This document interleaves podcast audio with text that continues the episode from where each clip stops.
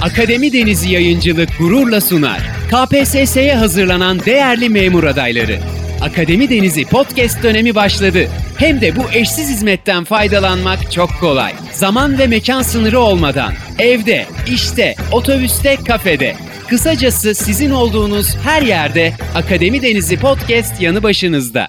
Arkadaşlar merhaba. Akademi Denizli Vatandaşlık KPSS dersine hoş geldiniz. Bu dersimizin konusu yargı. Arkadaşlar yargı konusunu aldığımızda yargı yetkisi bağımsız ve tarafsız mahkemelere aittir. Hakimler karar verirken anayasaya, kanuna, hukuka uygun olarak vicdani kanaatlerine göre karar vermektedir. Arkadaşlar hakim ve savcılar idari yönden Adalet Bakanlığı'na bağlı olup fakat bunların mesleki anlamdaki sicil amiri konumundaki kurum hakim ve savcılar kuruludur. Arkadaşlar hakimlik ve savcılık teminatı hayatını aldığımızda ise hakim ve savcılar azlonlamazlar. Kendileri istemedikçe yaş haddından önce emekliye ayrılamazlar. Hakim ve savcılar göreviyle bağdaşmayan bir şey yapmazsa veya sağlık özür nedeniyle ayrılmazlarsa görev yaptıkları kurum kapatılmış olsa dahi haklar aynen devam eder. Buna mesleki anlamdaki teminat güvence de diyebiliriz. Arkadaşlar 1982 Anayasası'nın son haline göre hukukumuzda 4 tane yüksek mahkememiz var. 1. Anayasa Mahkemesi 2. Yargıtay 3. Danıştay 4. Uyuşmazlık Mahkemesi. Arkadaşlar yüksek mahkemeler arasından şöyle bir sıralamaya başlarsak 1. Anayasa Mahkemesi diyoruz. Anayasa Mahkemesi ilk olarak 1961 Anayasasıyla kurulmuş ve Türkiye Büyük Millet Meclisi'nin yapmış olduğu çalışmaların anayasaya uygunluk denetimini yapmak amacıyla faaliyet gösteren bir mahkememizdir. Anayasa Mahkemesi 15 üyeden oluşmakta olup bu 15 üyenin 3 tanesine Türkiye Büyük Millet Meclisi, 12'sini ise Cumhurbaşkanı seçmektedir. Anayasa Mahkemesi'ne üye seçilebilmek için 45 yaşını doldurmuş olma, avukatların en az 20 yıl fiilen avukatlık yapmış olma, yüksek öğretim kurumlarından atanacak olanların profesör veya doçent ünvanına sahip olmaları, üst kademe yöneticilerinin yüksek öğrenim görmüş olma ve en az 20 yıl kamu hizmetinde çalışmış olma. Birinci sınıf hakim ve savcıların ise adaylık dahil en az 20 yıl çalışmış olmaları şarttır. Anayasa Mahkemesi raportörler arasından seçilecek üyenin ise 5 yıl Anayasa Mahkemesi raportörlüğü yapmış olma şartı aranmaktadır. Bu şartları taşıyan kişi meclis tarafından veya Cumhurbaşkanı tarafından Anayasa Mahkemesi'ne üye olarak seçilebilirler. Arkadaşlar Anayasa Mahkemesi üyelerinin görev süresini aldığımızda üyelerin görev süresi 12 yıldır ve bir kişi ikinci defa Anayasa Mahkemesi üyesi seçilemez. Yine Anayasa Mahkemesi üyeleri 65 yaşını doldurunca emekliye ayrılırlar. Zaten bu kamudaki yaş haddi emekliliğini ifade eden bir yaştır. Kamuda yaş haddi emeklilik yaşı 65'tir. Arkadaşlar Anayasa Mahkemesi üyeliği bir üyenin hakimlik mesleğini çıkarmaya gerektiren bir suçtan dolayı hüküm giymesi halinde kendiliğinden son verer. Görevini sağlık bakımından yere getiremeyeceğinin kesin olarak anlaşılması halinde ise Anayasa Mahkemesi üyelerinin tam sayısının salt çoğunluğuna karar verilerek görevi sona erer. Arkadaşlar Anayasa Mahkemesi'ni aldığımızda Anayasa Mahkemesi kararını genelde salt çoğunlukla alır ve Anayasa Mahkemesi'ne bireysel başvuruda bulunabilmektedir. Arkadaşlar Anayasa Mahkemesi anayasa değişikliğine dair bir iptal davası varsa veya siyasi partilerin kapatılması davası söz konusuysa ya da siyasi partilerin hazine yardımından yoksun bırakılmasına karar verme ile alakalı bir dava söz konusuysa bu tür durumlarda üye sayısının 2 bölü 3'ü aranır. Yine arkadaşlar Anayasa Mahkemesi Yüce Divan sıfatıyla baktığı davalar dışındaki davaları dosya üzerinde incelerken bazı durumlarda bireysel başvurularda duruşma yapılmasına karar verebilmektedir. Arkadaşlar Anayasa Mahkemesi'nin görevlerine geldiğimizde ise Anayasa Mahkemesi milletvekili dokunulmazlığının kaldırılmasıyla alakalı itirazlara bakar. Dokunulmazlığı kaldırılmış olan bir milletvekili Anayasa Mahkemesi'ne 7 gün içinde başvurabiliyordu. Yine kanunların ve meclis iş tüzüğünün anayasaya şekil ve esas bakımından uygunluğunu denetler. Anayasa değişikliğinin anayasaya sadece şekil bakımından uygunluğunu denetler ve inceler. Burada ayrıca almak gerekir ki anayasa değişikliğini esas bakımdan inceleme yetkisi yoktur. Sadece şekil bakımından inceleyebilir. Yine Anayasa Mahkemesi'ne yapılmış olan bireysel başvuruları karara bağlar. Anayasamızda daha önce olmayan bir özellikti. Fakat 2010 yılında yapılan anayasa değişikliğiyle Anayasa Mahkemesi'ne bireysel başvuru hakkı verilmiştir. Anayasa Mahkemesi bunları inceler ve kesin karara bağlar. Fakat arkadaşlar Anayasa Mahkemesi'ne bireysel başvuruda bulunabilmek için olağan kanun yıllarına tüketilmiş olması şarttır. Yani iç hukukun tüm e, kurumları işlemeden doğrudan Anayasa Mahkemesi'ne başvuru yapılamamaktadır. Yine arkadaşlar Anayasa Mahkemesi siyasi partilerin mali yönden denetimini yapabilmekteyken yine siyasi partilerin kapatılmasıyla alakalı davalara da Anayasa Mahkemesi bakmaktadır. Uyuşmazlık Mahkemesi Anayasa Mahkemesi tarafından seçilir ya da Anayasa Mahkemesi'nden giden üye Uyuşmazlık Mahkemesi Başkanlığını yapar ve Yüce Divan sıfatıyla yargılama yapılacaksa bu yargılamayı da yapma yetkili mahkeme Anayasa Mahkemesi'dir. Arkadaşlar Yüce Divan sıfatıyla Anayasa Mahkemesi kimi veya kimleri yargılar diye aldığımızda ise Yüce Divan sıfatıyla yargılayabilecekler arasında Cumhurbaşkanı, Türkiye Büyük Millet Meclisi Başkanı, Cumhurbaşkanı yardımcısı veya yardımcıları, bakanlar, yüksek mahkemelerin başkan ve üyeleri, Yargıtay Cumhuriyet Başsavcısı ve vekili, Hakimler Savcılar Kurulu üyeleri, Sayıştay Başkanı ve üyeleri, Genelkurmay Başkanı, Kara Kuvvetleri Komutanı, Hava Kuvvetleri Komutanı ve Deniz Kuvvetleri Komutanları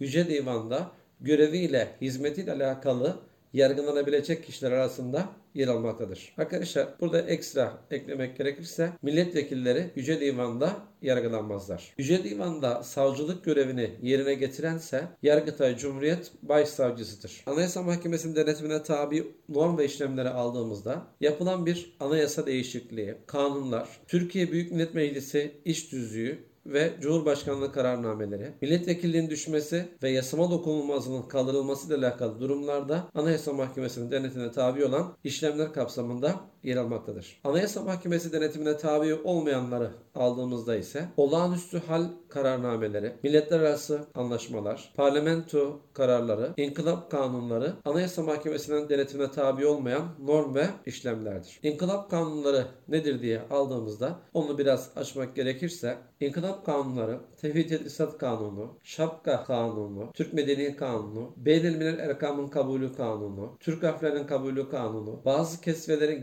giyilmesine dair kanun, tek ceza ve türbelerin kapatılması ve bazı ünvanlarla alakalı kanun, Efendi Bey Paşa gibi lakap ünvanların kaldırıldığına dair kanunlar inkılap kanunları kapsamında yer almaktadır ve bunlara karşı da yargı yolu kapalıdır. Arkadaşlar yine meclis iş tüzüğü, yasama dokunulmazlığının kaldırılması ve milletvekili düşmesi kararları da parlamento kararı olmasına rağmen Anayasa Mahkemesi denetimine tabidir. Normalde parlamento kararlarına karşı yargı yolu kapalıdır. Fakat parlamento karar olmasına rağmen bu üç tanesinin yani meclis iş tüzüğünün, yasama dokunulmazlığının kaldırılması ve milletvekili düşmesi kararları Anayasa Mahkemesi'nin denetimine tabi olan durumlardır. Arkadaşlar Anayasa Mahkemesi'nin kararlarına geldiğimizde ise Anayasa Mahkemesi kararlarını salt çoğunlukla verir. Fakat bazı özel durumlarda siyasi parti kapatma, hazine yardımı başvurusu ya da anayasa değişikliği tür davalarda 2 bölü 3 oy çokluğu arayabilmektedir. Arkadaşlar Anayasa Mahkemesi kararları herkese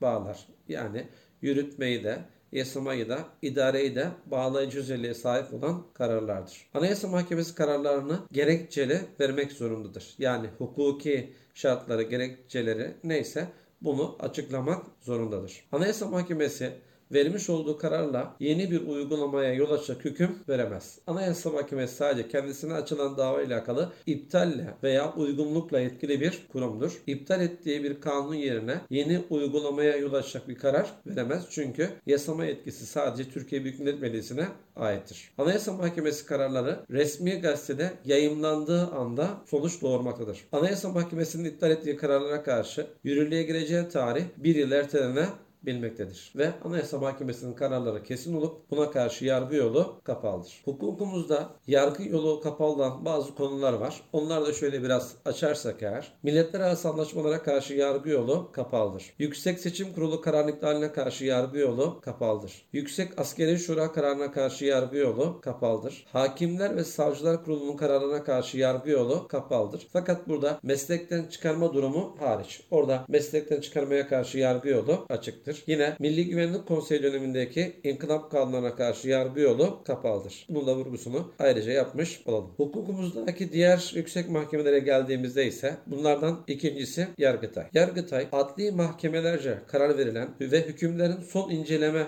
yeri olarak geçmektedir. Ve adli yargıdaki en yüksek mahkeme hangisi diye aldığımızda bunun cevabı Yargıtay'dır. İkinci derece mahkemeleri ise bölge adliye mahkemeleri ya da buna isnaf mahkemeleri ismi kullanılmaktadır. Adli yargıdaki ilk dereceleri mahkemeleri aldığımızda ise Sulh Hukuk Mahkemesi, Asya Hukuk Mahkemesi gibi hukuk mahkemeleri, bunun dışında iş mahkemesi, icra mahkemesi, aile mahkemesi, ticaret mahkemesi, kadrostro mahkemesi gibi özel mahkemelerde de görmekteyiz. Adli yargıdaki ceza mahkemelerini aldığımızda ise sulh ceza mahkemesi, asliye ceza mahkemesi, ağır ceza mahkemesi yer almaktadır. Yargıtay daha önce de zikrettiğimiz gibi adli mahkemelerce verilen karar ve hükümlerin son inceleme yeridir. Ve belli davalarda ise ilk ve son derece mahkeme özelliği taşımaktadır. Yerel mahkemenin vermiş olduğu bir kararın hukuka uygunluğunu denetleme yetkisine sahiptir. Yani ilk derece mahkemelerinde verilmiş olan bir kararlar varsa bunun üst derece mahkemesi veya temiz diyebileceğimiz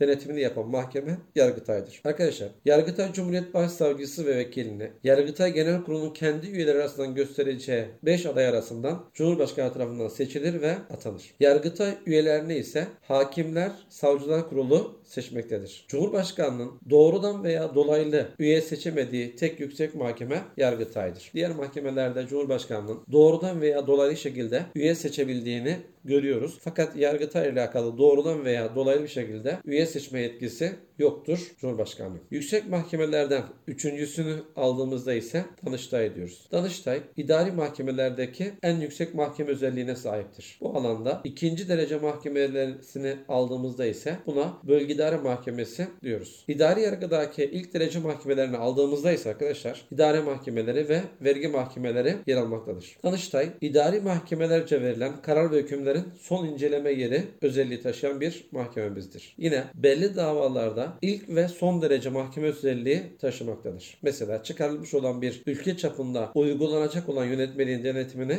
Danıştay yapmaktadır. Bu alanda ilk ve son derece mahkemesidir. Danıştay üyelerinin 3 bölü 4'ünü Hakim ve Savcılar Kurulu, 1 bölü 4'ünü ise Cumhurbaşkanı seçmektedir. İdari alandaki en yüksek mahkeme hangisidir diye bir soru sorulduğunda bunun cevabının Danıştay olduğunu rahatlıkla alabiliriz. Yine ÖSYM'nin sevdiği konulardan birisi budur. Arkadaşlar yüksek mahkemelerimizden dördüncüsünü aldığımızda ise Uyuşmazlık Mahkemesi. Uyuşmazlık Mahkemesi ise adli ve idari yargı mecraları arasındaki görev ve hüküm uyuşmazlığını kesin olarak çözmeye yetkili mahkememizdir. Buradaki altını çizmek gereken özellik şurası. Görev ve hüküm uyuşmazlığı varsa bunu kesin çözmeye yetkilidir diye alacağız. Fakat diğer mahkemelerle Anayasa Mahkemesi arasında bir görev hüküm uyuşmazlığı söz konusuysa Anayasa Mahkemesi'nin kararları geçerlidir. Fakat Danıştay, Yargıtay arasında bir görev hüküm uyuşmazlığı varsa o zaman bunu çözmeye yetkili mahkeme uyuşmazlık mahkemesidir. Arkadaşlar üyeleri Yargıtay ve Danıştay'dan seçilir. Uyuşmazlık mahkemesinin. Yine uyuşmazlık mahkemesi başkanlığını Anayasa Mahkemesi'nin kendi üyeleri arasında görevlendirdiği üye yapmaktadır. Uyuşmazlık mahkemesinin üyelerinin görev süresi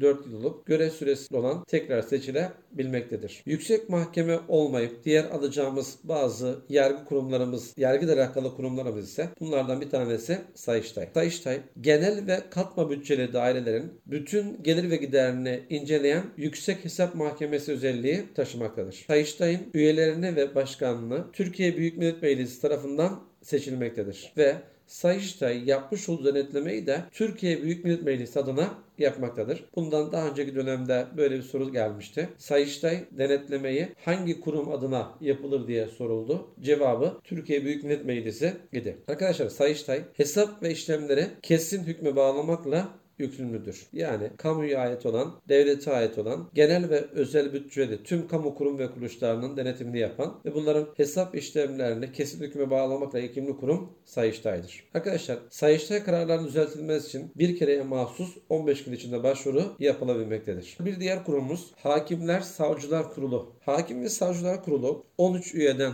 oluşmaktadır ve kurulun başkanlığını Adalet Bakanı yapmaktadır. Bu da daha önceki dönemlerde kurulun başkanlığını kim yapar diye soruldu. Cevabı Adalet Bakanı'dır. Fakat Adalet Bakanlığı yardımcısı da kurulun tabi üyesidir, doğal üyesidir. Hakimler Savcılar Kurulu üyelerini Cumhurbaşkanı ve Türkiye Büyük Millet Meclisi seçmektedir. Hakim ve Savcılar Kurulu'nun yönetimini ve temsil kurulu kurul başkanı olan Adalet Bakanlığı'na aittir. Kurul başkanı olan Adalet Bakanı da dairelerin çalışmalarına katılamaz. Yine vurgu yapmak gerekirse Hakimler Savcılar Kurulu'nun kararına karşı yargı yolu kapalıdır. Fakat meslekten çıkarma cezası bunun istisnası olarak tutulmuştur. Hakim ve Savcılar Kurulu'nun daha önceki adı Hakim ve Savcılar Yüksek Kurulu idi. Daha sonra yapılan düzenleme ile şu anki hali alan Hakim ve Savcılar Kurulu adını almıştır. İlk kuruluşu ise 1961 Anayasası'nda yer alan bir kurumumuzdu bu kurumumuzda. Ve Hakim ve Savcılar Kurulu, hakim ve savcıların mesleğe atanmasına itibaren tayinleri, terfileri, kademe, derecelerlemeleri ve